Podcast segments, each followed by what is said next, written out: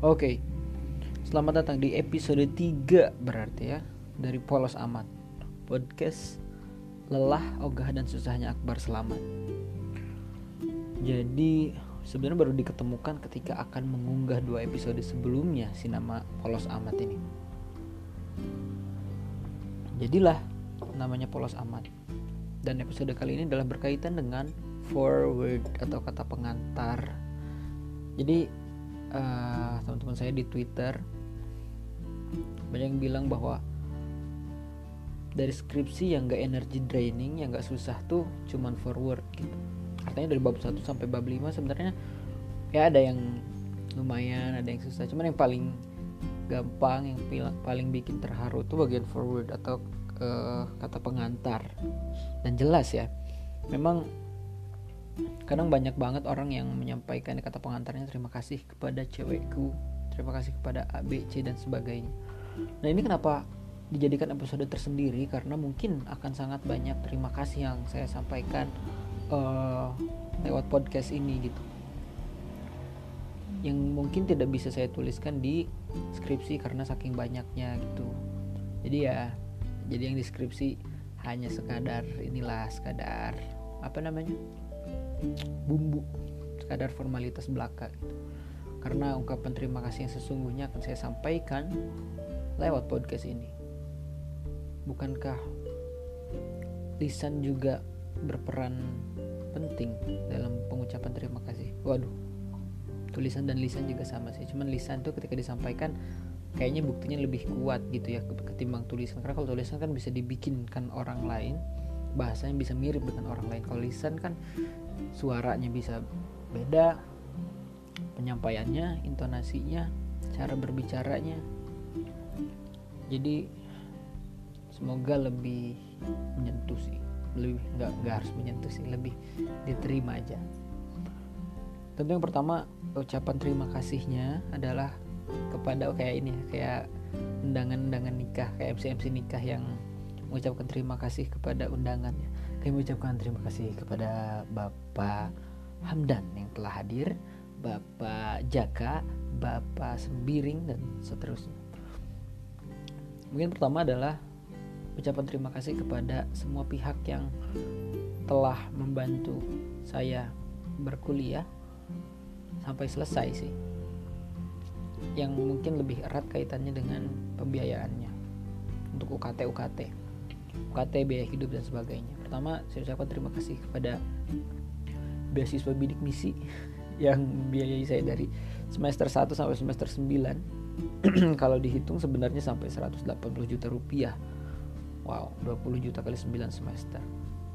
Kalau saya bayar sendiri tidak terpikirkan lewat bayar lewat apa. Yang artinya ini saya ucapkan terima kasih juga kepada pemerintah Republik Indonesia terlebih lagi terima kasih juga kepada Bapak Muhammad Nuh yang telah mencanangkan program bidik misi saat beliau menjabat yang kemudian juga uh, disetujui oleh Pak SBY terima kasih juga Pak SBY atas approvalnya. Kemudian juga lembaga kemahasiswaan ITB yang uh, sebenarnya bicara tentang beasiswa apalagi beasiswa bidik misi yang saya dapatkan ini. Ada cerita sendiri jadi akan saya sampaikan di episode lainnya gitu jadi ini akan khusus terima kasih saja. Bagi mahasiswaan ITB juga yang telah membantu saya dalam mendapatkan beasiswa bidik misi ini. Kemudian untuk beasiswa biaya hidup, saya ucapkan terima kasih kepada kader Surau, Yayasan Baitul Mal Bank Rakyat Indonesia, BRI ya. Jadi eh, BRI ini juga berperan selama 2 tahun terakhir saya berkuliah. Terlebih lagi ketika skripsi ini saya uh, membuat skripsi di sini di asrama kader Surabaya BMBRI selama uh, ya kurang lebih dari bulan Maret, April, Mei, Juni hampir tiga bulan. Dan sekarang sudah mau menulis kata pengantar tetapi masih harus revisian cukup banyak yang harus direvisi. Jadi uh, saya sebenarnya belum menuliskannya di skripsi saya.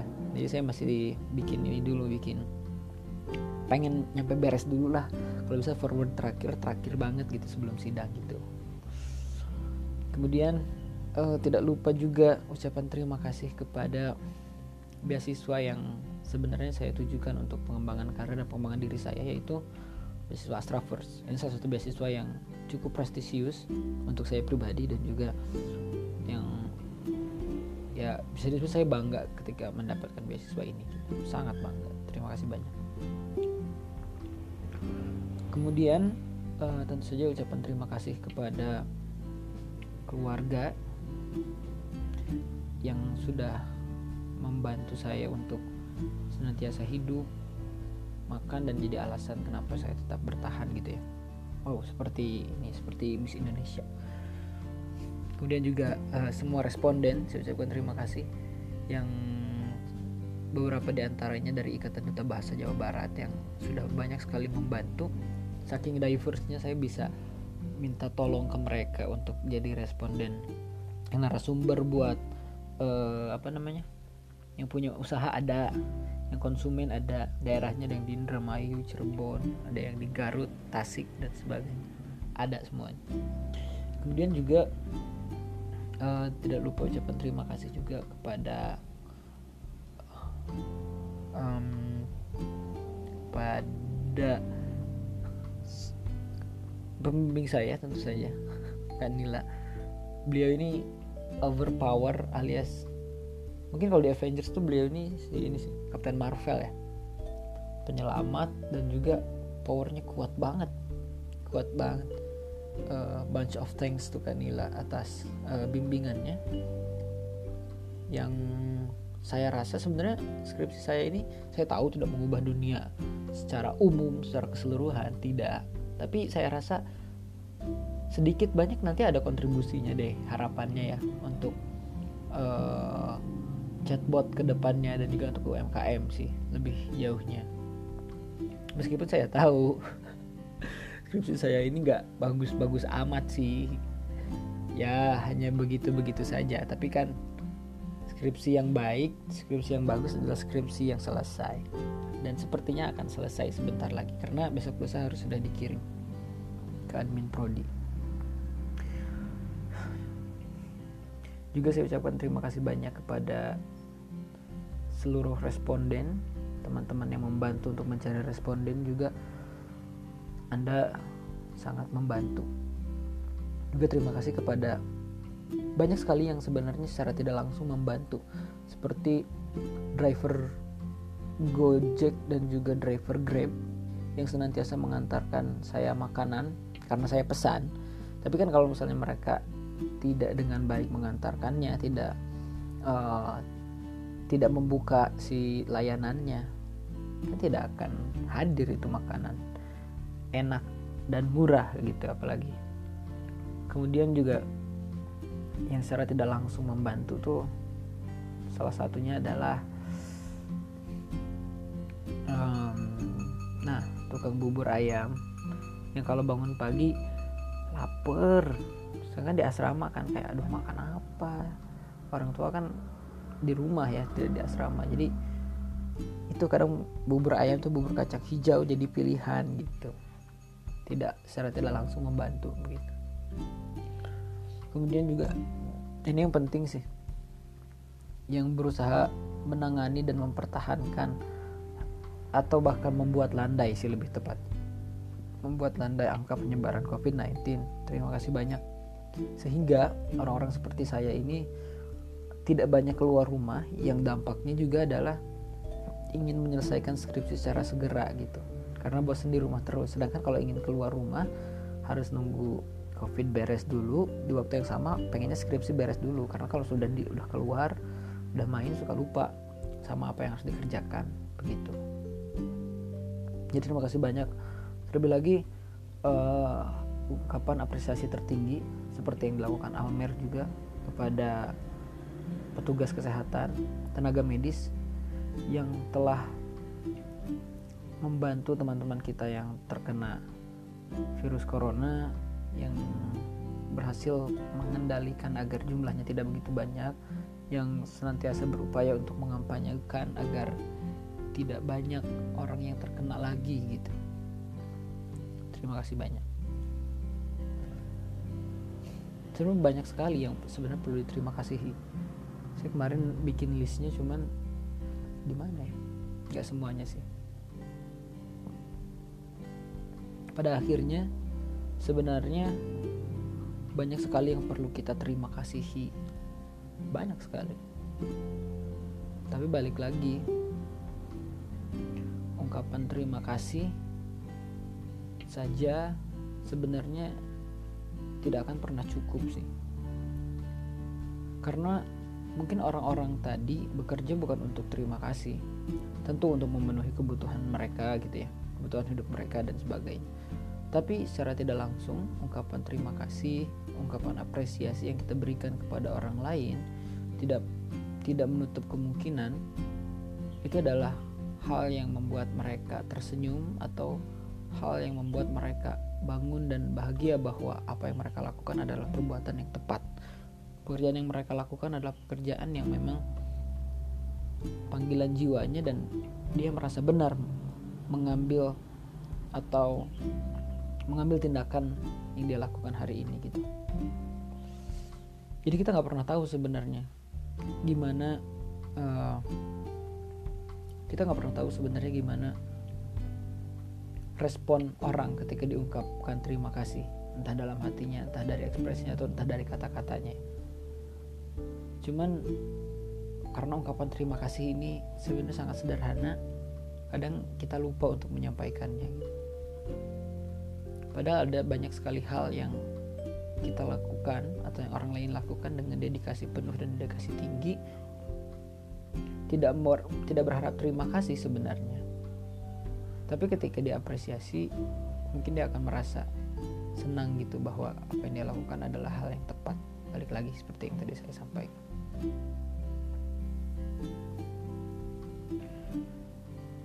Harapannya sih kita jadi lebih ini ya lebih PK dalam menyampaikan PK sebenarnya saya masih bingung ya. Apakah peka atau PK cuman teman saya Inggris namanya beliau bilang bahwa yang benar tuh PK bukan PK penjahat kelamin itu ya bukan. Tapi yang lebih kita kenal dengan peka gitu atau responsif gitu. Kita lebih PK dalam menyampaikan ungkapan terima kasih atau apresiasi kepada orang lain gitu karena banyak sekali hal yang orang lain lakukan yang tanpa sadar tanpa sengaja sebenarnya ya lakukan dengan penuh dedikasi kepada kita gitu. Kita mungkin nggak sadar bahwa itu tuh sebenarnya oh, perlu usaha loh perlu perjuangan loh untuk melakukannya gitu. Kita nggak pernah sadar akan hal itu gitu. Tapi dia melakukannya seberjuang itu gitu. Dan kita mengucapkan terima kasih nggak sesulit apa yang mereka lakukan gitu. Jadi ucapan terima kasih tidak pernah mengurangi harkat martabat seseorang harga diri seseorang. Bahkan malah sebaliknya mungkin menjadikan kita orang yang lebih mudah bersyukur lebih mudah menerima atas uh, apa yang telah diberikan kepada kita. Nah, kalau misalnya ditarik lagi, untuk bisa berkuliah di SBM pun sebenarnya harus diucapkan terima kasihnya juga. Karena dulu saya untuk masuk SBM ITB saya sempat nulis tuh di Instagram. Saya tidak ikut les tidak ikut intensif. Tapi Instagram yang dulu ya Akbar underscore selamat bukan yang sekarang uh, intensif tapi saya yakin saya bisa masuk SBM ITB 2020 2017 ya saat itu. Saya tulis. Kemudian beberapa bulan kemudian ketika menuju uh, apa namanya? Menuju menuju kelulusan uh, menuju pengumuman SNMPTN, SBMPTN dan sebagainya ada kekhawatiran tersendiri. Saya kayak waduh ini gak ini nih. Jadi khawatir juga nih belum persiapan SBMPTN kan. Ya maksudnya persiapannya sendiri gitu atau tidak karena kalau misalnya ada bimbel kan mungkin lebih menguatkan ya. Terus pada akhirnya itu mungkin saya lupa sih. Saya tuh orangnya jarang meminta ke orang tua tapi kayaknya itu satu-satunya yang saya pernah minta ke orang tua ketika SMA itu adalah minta buat bimbel buat les di apa namanya master privat kalau nggak salah Jalan Arjuna waktu itu. Itu dia saya ikutan bimbel di sana. Untuk dapat ini untuk dapat ya untuk setidaknya bisa belajar SBMPTN secara intens gitu. Kemudian suatu hari saya waktu itu ke saya ke saya lupa waktu itu ke EduLab kalau tidak salah. Oh Teh Mega namanya. Teh Mega waktu itu mengontak saya. Beliau salah satu manajer di EduLab waktu itu. Kontak saya. Saya dulu dapat uh, beasiswa juga untuk belajar di EduLab selama setahun gratis gitu kan. Kemudian dikontak sama Teh Mega. Bar mau ini nggak mau apa namanya? Bar mau itu deh mau bimbel di EduLab nggak? Satu semester aja sih sebenarnya karena itu kan udah semester 2 ya gratis kok. Wah rezeki banget.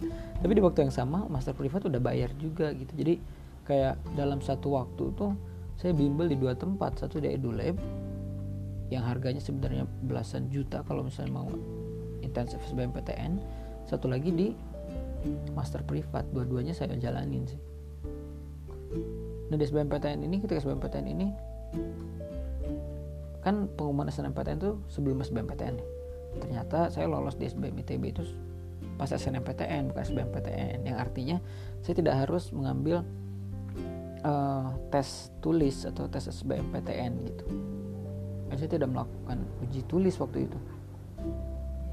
Jadi uh, udah saya nggak nggak melakukan hal itu.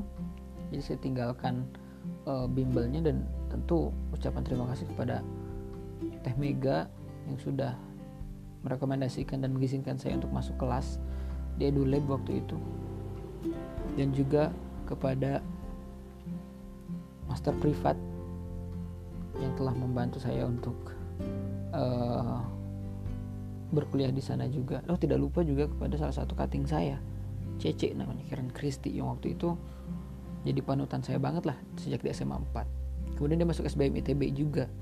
Ada rival juga sebenarnya, rival Julian yang yang saya jadikan panutan juga. Kemudian masuk SBM ITB juga. Kemudian kayaknya ini tempat saya juga deh masuk SBM ITB aja deh gitu kan. Saya pilih jasa PTN dan hanya satu-satunya pilihan saya. Jadi risikonya adalah ya tidak diterima. Risikonya adalah kalau misalnya kalau lolos ya udah nggak lolos aja gitu. Sedangkan ada yang lain. Pilihan satu FTI pilihan duanya SBM pilihan satunya uh, stay dan duanya SBM kemudian mereka ter apa tertendang dimasukin ke SBM ITB gitu. Jadi saya agak berisiko gitu. Makanya ketika SMA sebenarnya saya membanyak banyaki atau memperbanyak ya memperbanyak ini kesempatan gitu. Kayak waktu itu ada beasiswa dari ada tes beasiswa dari Presiden University. Saya ikutan di Hotel 101 Dago kalau nggak salah. Ikutan dapet tuh berapa persen gitu. Cuman ya ini masih nggak bisa sih. I cannot afford this gitu. IPDN juga sempat daftar. Baru daftar aja sih. Cuman nggak nyampe seleksi dan sebagainya karena alhamdulillahnya udah keburu lulus di SNMPTN ITB dan pada akhirnya sih di ITB itu sendiri saya uh, oh maksudnya gini.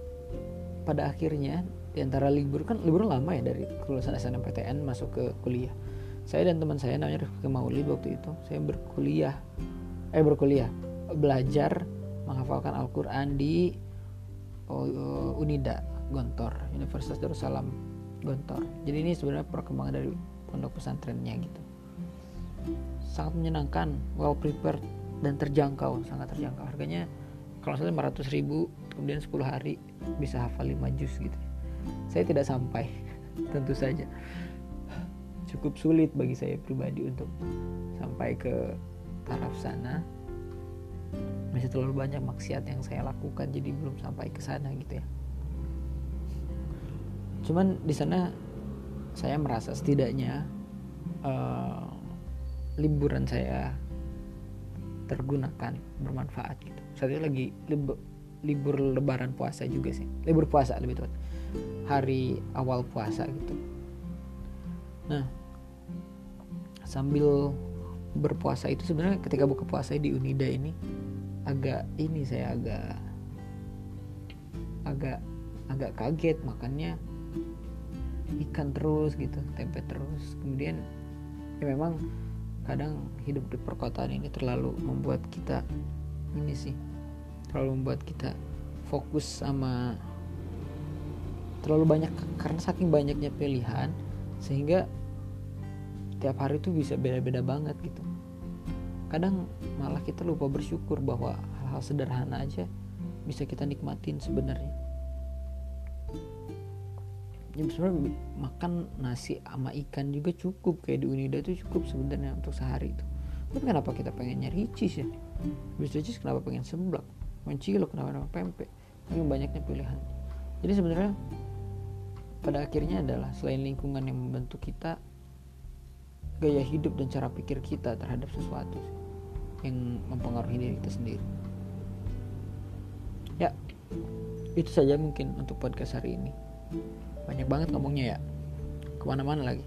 Intinya adalah ucapan terima kasih tidak akan pernah jadi basi ungkapkanlah terima kasih sebagai bentuk kasih atas mereka yang telah berdedikasi. Sekian ketemu lagi nanti di polos amat episode 4 apa? Bicara apa? Nanti kita lihat ya. Terima kasih sudah mendengarkan. Uh, Semoga sehat dan senantiasa selamat.